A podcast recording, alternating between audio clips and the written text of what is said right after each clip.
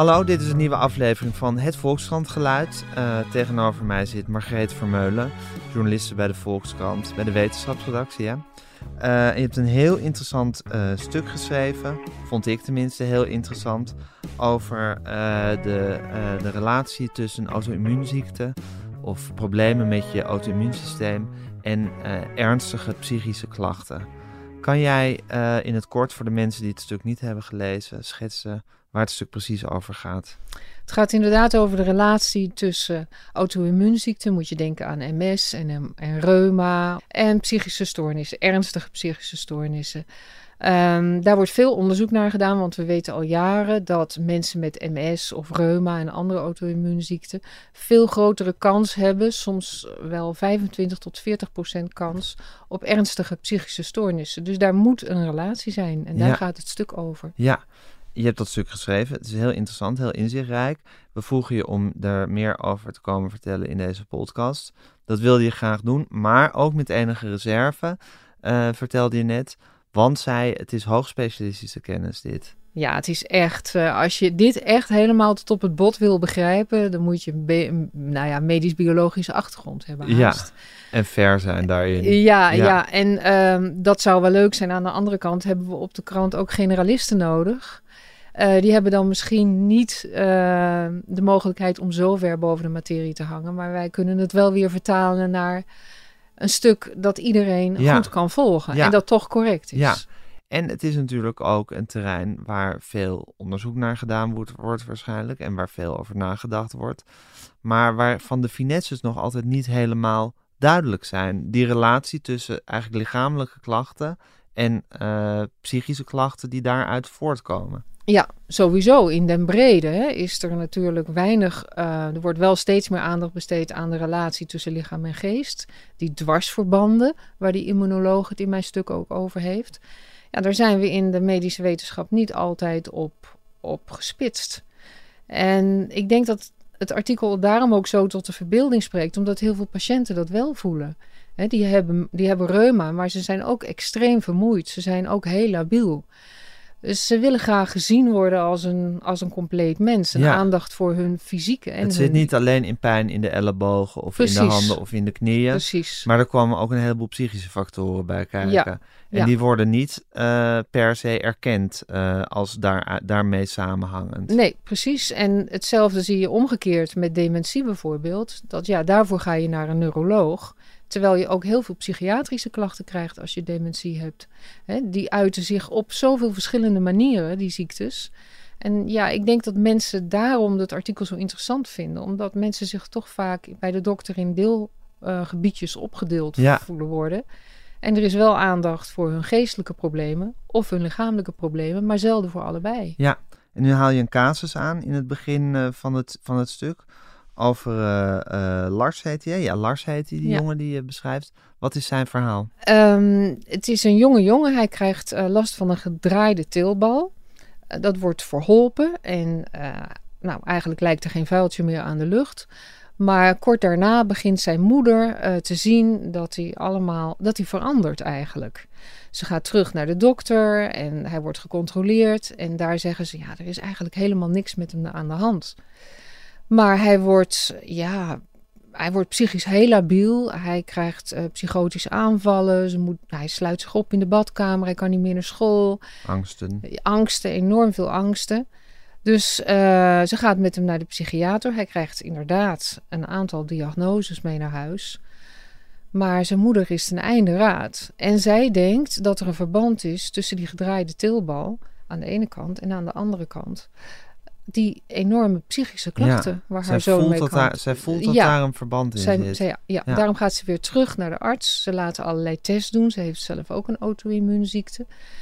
En uh, uiteindelijk komt ze toch in het alternatieve circuit terecht. Want daar voelt ze wel dat er aandacht is voor zowel de lichamelijke als de geestelijke problemen van haar zoon. En met die kennis van de alternatieve geneeswijzer gaat ze weer terug naar de arts. En die doen opnieuw allerlei tests. En dan blijkt inderdaad dat hij een auto-immuunziekte heeft. En ja. Uh, nou ja, met de medicatie van de psychiater die weinig deed. Uh, met de uh, aanwijzingen van de reguliere arts weten ze uiteindelijk het probleem ja, behapbaar te maken. Ja, Maar dat er een relatie is tussen de klachten op fysiek en lichaam, op fysiek en Ja. geestelijk terrein. Bij haar zoon, daar eh, twijfelt zij gewoon helemaal niet aan. nee. Ze heeft het zien gebeuren, zegt ze zelf. Ja, ja, zoals je dingen bij je kind nou eenmaal ziet gebeuren, omdat je, kind, je eigen kind nou eenmaal heel nauwlettend in de gaten Ja, houdt. ja. En is dat een bekend fenomeen dat je als, als mensen dat zien van er is iets met mijn lichaam en dat heeft eh, ook gevolgen voor mijn geest, dat dat op nogal eh, onbegrip eh, stuit in de reguliere geneeskunde? Of staat men er ook wel open voor?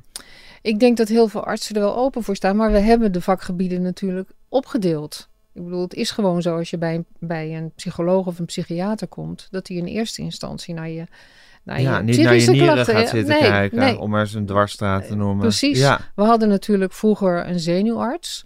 En die keek naar het totaalplaatje. Maar we hebben dat uit elkaar getrokken. Als je een breinaandoening hebt.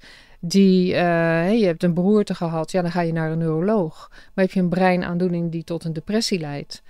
Dan ga je naar een psychiater. ja, Terwijl ehm, met een breinaandoening heb je altijd en motorische problemen. En gedrags- of geestelijke problemen. ja. Dus die dingen vloeien in elkaar over. Ja. En het gaat hier dan meer specifiek over auto-immuunziekten. Eh, maar kan het eigenlijk voor alle soorten problemen gelden? Voor alle soorten fysieke problemen gelden dat ze in je eh, geest eh, gevolgen kunnen hebben?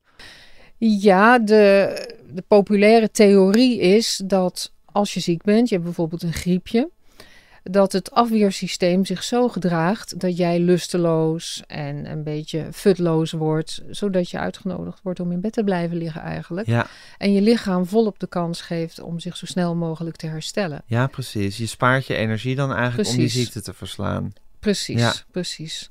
Dus er is altijd een relatie tussen lichaam en geest. Ja, ja. En het lichaam kan ook verkeerde signalen afgeven eh, in zijn wanhoop om iets goed te maken. Of, het, of bepaalde situaties verkeerd inschatten. Ja, En en, daar- wat, wat het lastige is nu, is dat je niet kan zeggen van je hebt een verkeerd afgesteld eh, immuunsysteem en dus jij krijgt een depressie of ernstige psychische problemen. Het kan eh, best zijn dat je daar helemaal nooit last van krijgt. Ja. En dan heb je nog weer verschillende soorten afwijkingen in het immuunstelsel. Het kan een immuunstelsel zijn dat te scherp staat afgesteld, maar het kan ook zijn dat het vervroegd verouderd is Ja, waardoor het zijn werk niet goed doet. Ja. Dus dat maakt het allemaal wel heel erg complex. Ja, je spreekt in je artikel een hoogleraar, eh Hemmo Drekshagen, eh, van het eh, Erasmus Medisch Centrum in Rotterdam, die hier al bijna 30 jaar onderzoek Klopt, naar doet. klopt. Wat is zijn specialisatie? Immunologie. Immunologie. En eh, eh, hij, heeft hier, eh, hij heeft hier speciale interesse voor opgevat, of hij ziet dit probleem. Ja, hij werd eigenlijk 30 jaar geleden al uitgenodigd door de directeur van een psychiatrische kliniek om zijn patiënten eens te onderzoeken. Want hij zag dat zijn patiënten heel veel auto-immuunziekten hadden. En toen is hij bloedonderzoek gaan doen. Toen is hij gaan kijken, zijn daar afwijkingen te zien? En die bleken er inderdaad te zijn. Ja. En zijn theorie is dat er eigenlijk aan een depressie twee dingen ten grondslag kunnen liggen. Of, eh, nou laat ik maar zeggen, een extern eh, iets, een trauma of een, eh, een hele tragische, tragische gebeurtenis eh, in je leven of wat dan ook. Nou, iets waar je da- daadwerkelijk heel ongelukkig van kan worden. Of een fysieke oorzaak. Ja. Dus, dus bijvoorbeeld een auto-immuunziekte of iets anders lichamelijks wat er echt misgaat. Ja, dat klopt. Hij, hè, psychogene depressie aan de ene kant en biologische depressie aan de andere kant. Waarbij die, je noemt trauma. Trauma is een biologische Oh, depressie sorry. dan in Ja. zijn eh, optiek. Ja. Want, hè, eh, en psychogene bedoelt hij meer het verlies van de partner, werkloos worden, Ja. tegenslagen die je niet te boven kunt komen. Ja, precies. Eh, en is hij daar een. Is dat een uitzonderlijke stelling van hem? Of wordt dit ook eigenlijk wel breed, breed gedeeld, deze opvatting? Ja, ik heb het idee dat het in de academische psychiatrie wel, wel de, ge- de heersende gedachte is. Ja. Ehm, daarbuiten denk ik nog niet. Nee. Nee. Het moet nog Nee. een beetje doordringen tot het de moet mensheid. nog een beetje doordringen, ja. En we moeten er ook natuurlijk iets mee kunnen. Het is kennis waar we nu nog niet zo heel veel mee kunnen. Je ziet wel dat in de behandelingen van depressie ehm, echte biologische aanpak, behalve dan medicatie, wel ehm, populairder wordt. Je kent allemaal die onderzoeken naar het effect van bewegen op depressie. Uh, nou is het niet zo dat het bij iedereen helpt, maar er is een forse groep uh, patiënten met een depressie die er baat bij heeft. Om hard te gaan lopen. Om hard te gaan lopen of veel te gaan bewegen. Ja. Dat kan overigens zijn omdat ze daarmee hun immuunstelsel opkrikken. Dat weten we niet. Nee. Maar dat is een theorie. Nee.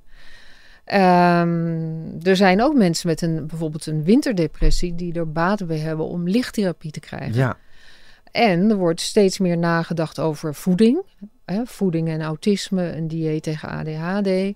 Bedoel, zover is het allemaal nog niet. Maar als je kijkt naar een depressie, is het al wel zo dat het advies is um, om mensen met bepaalde depressies, behalve antidepressiva ook, omega-3, een bepaald soort weer, omega-3 vetzuren uh, te, geven. te geven omdat die ook helpen of kunnen helpen tegen een depressie. Ja. Ook die omega-3 vetzuren trouwens, daar, die zijn bekend omdat ze een ontstekingsremmende werking hebben. Precies. Ja. Dus misschien dat ze, da dat ze dan op dat systeem ingrijpen en daarmee ook de depressie uh, uh, verminderen. Nou, ver verminderen. Ja, precies. Ja. Ik het zo Ja, dus zo zie je wel dat het aantal biologische aanpakken van psychische ziektes als depressie wel toeneemt. Ja. Uh, is dit ook een beetje, uh, omdat je dit voorbeeld geeft van die moeder die in het alternatieve circuit eigenlijk wel gehoor voor, vond voor haar uh, analyse van het probleem van haar zoon en in het academische circuit minder, is het toch ook een beetje waar de alternatieve en de academische wereld elkaar raken? Of gaat dat te ver? Nou, raken. Ze staan wat dat betreft eigenlijk haaks op elkaar, zou Want? ik zeggen. Nou, de alternatieve geneeswijzen hebben de. Hè, er zijn heel veel slechte alternatieve genezers, hè? Maar Ja. zij hebben over het algemeen meer oog voor de totale patiënt. Het zijn vaak holistische therapieën, de naam zegt het al. Hè? Ze zien de mens als geheel. Terwijl ja, bij ons is het zo dat je met, uh, ja, met oogpijn ga je naar de oogarts. Ja, en met met, uh, kniepijn ga je naar de kniedokter. Ja, precies. Ja, Dus uh, dat is natuurlijk een groot verschil. En daar, ja, ja daarom ja maar als jij zegt dat, dat ze dan in de academische wereld bij een depressie dan toch ook nu meer op voeding gaan letten, bijvoorbeeld. Dat klinkt al in mijn, Ja. in mijn lekenoor, hè? ik ben er absoluut geen kenner, dat klinkt al als een soort richting wat een alternatieve arts je ook zou kunnen aanraden. Ja, maar dit is echt, staat helemaal aan het begin. Kijk, wij volgen natuurlijk de trends en het liefst helemaal van begin af aan. Ja, Uh, maar we staan echt helemaal aan het begin daarvan. Ik bedoel, het is niet zo als jij naar, met een depressie naar de dokter gaat... dat Nee. hij meteen over een dieet begint. Nee. Nee, nee. nee. Nee. Maar dat is aan het ontkiemen, Ja. dit, eh, dit besef. Ook ja, er wordt academie- heel veel onderzoek nu gedaan naar relatie tussen depressie en andere psychische problemen en je voeding. Ja, Ja, dat is erg hot nu. ja, dat is erg hot nu. Dus je wordt in ieder geval niet keihard uitgelachen als je over voeding begint in die wereld. Nee, Nee. niet meer. Nee. Niet meer. Wat zijn jouw gedachten erover? Ehm, dat vind ik lastig. Ik denk dat voeding is nooit, kan nooit een geneesmiddel vervangen. Ehm, maar ik denk wel dat voeding ook indirect veel invloed kan hebben. Kijk, als jij eh, voeding eh, tot je neemt die bij je past, waardoor je gezond bent, heb je natuurlijk al sowieso een voorsprong op het moment dat er een depressie op de loer ligt. Als je gezond bent en je werkt en je hebt goede sociale contacten en je komt veel buiten en je beweegt en er komt een depressie, ben je veel meer in staat om je daartegen te verweren. Ja, zoals je ook beter in staat bent om je tegen een griep te verweren of Precies. tegenover welke ziekte je dan ook overvalt. Precies. Ja. Ja. ja. Ja, het is, gewoon- het is gewoon voor alles goed om in een goede conditie te zijn. Precies. Geen overgewicht te hebben. Ja, Ik bedoel, het zijn allemaal risicofactoren. ja, Ook voor een depressie. ja.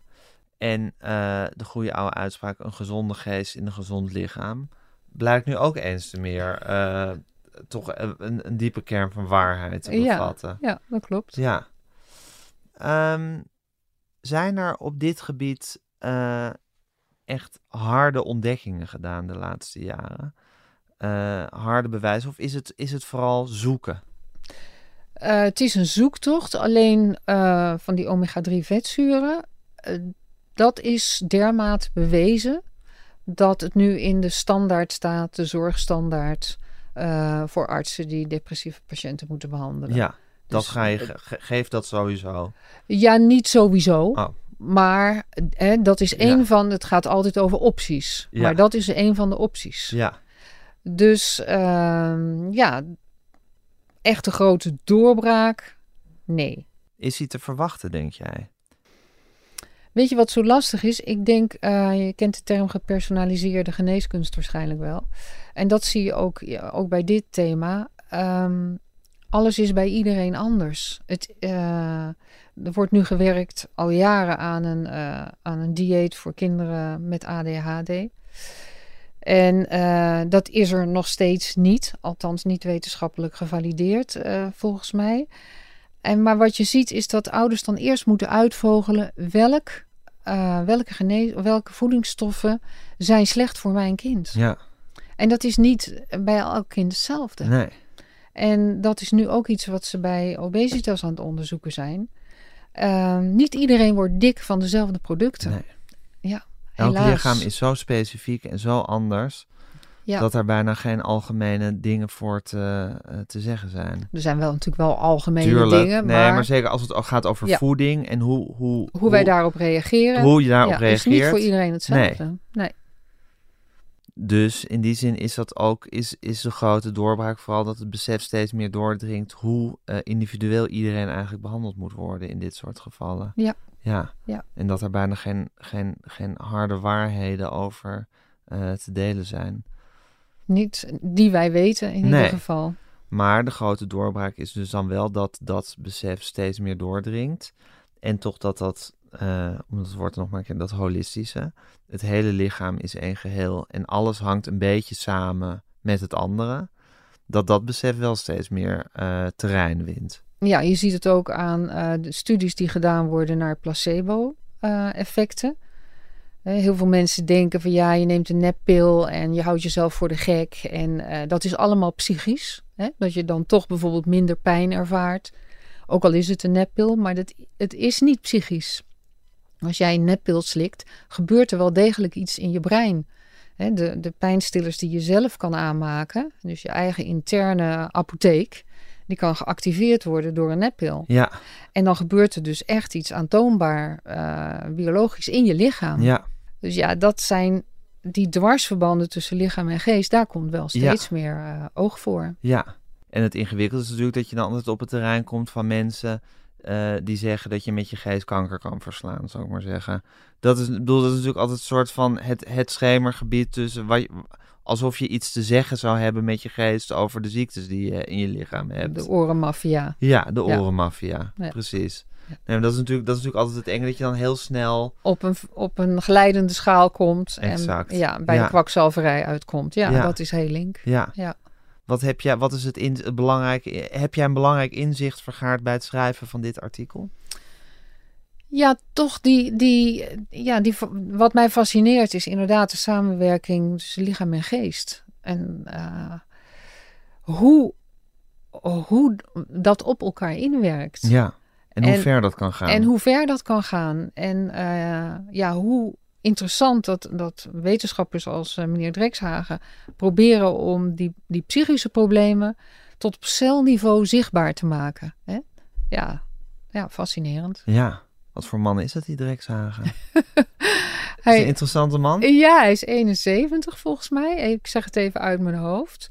En hij gaat dus, hij, hij schat dat, eh, dat ja, resultaten voor de patiënten waarschijnlijk pas over 20 jaar eh, Ja. eh, gedeeld kunnen worden. Dus eh, ja, Hij is bezig met iets wat nog heel erg ver Ja. weg is. Wat hij zelf misschien niet meer gaat meemaken, mee dat zegt hij zelf in het stuk. Ja.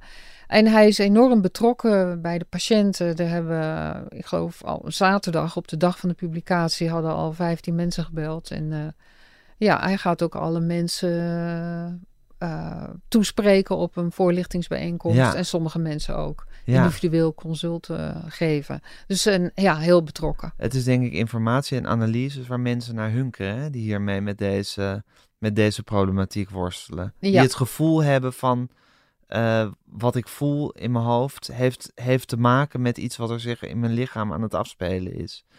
Ja, so- er zijn wel best wel veel mensen met een depressie die zich lichamelijk dood en doodziek voelen. Ja, Ja. En die denken, wat is dat toch? Wat is Hoe zit dit? Ja, ja. ja. kan me voorstellen. Nou ja, we blijven het volgen, Margreet. Dankjewel. Het enige wat erop zit. Dankjewel voor je komst. Graag gedaan.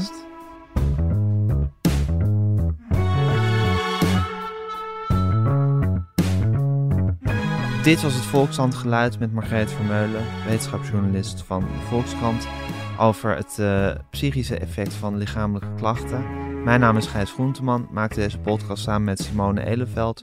U kunt zich abonneren via alle denkbare podcastkanalen. Geef ons eh, lekker veel sterretjes en goede recensies.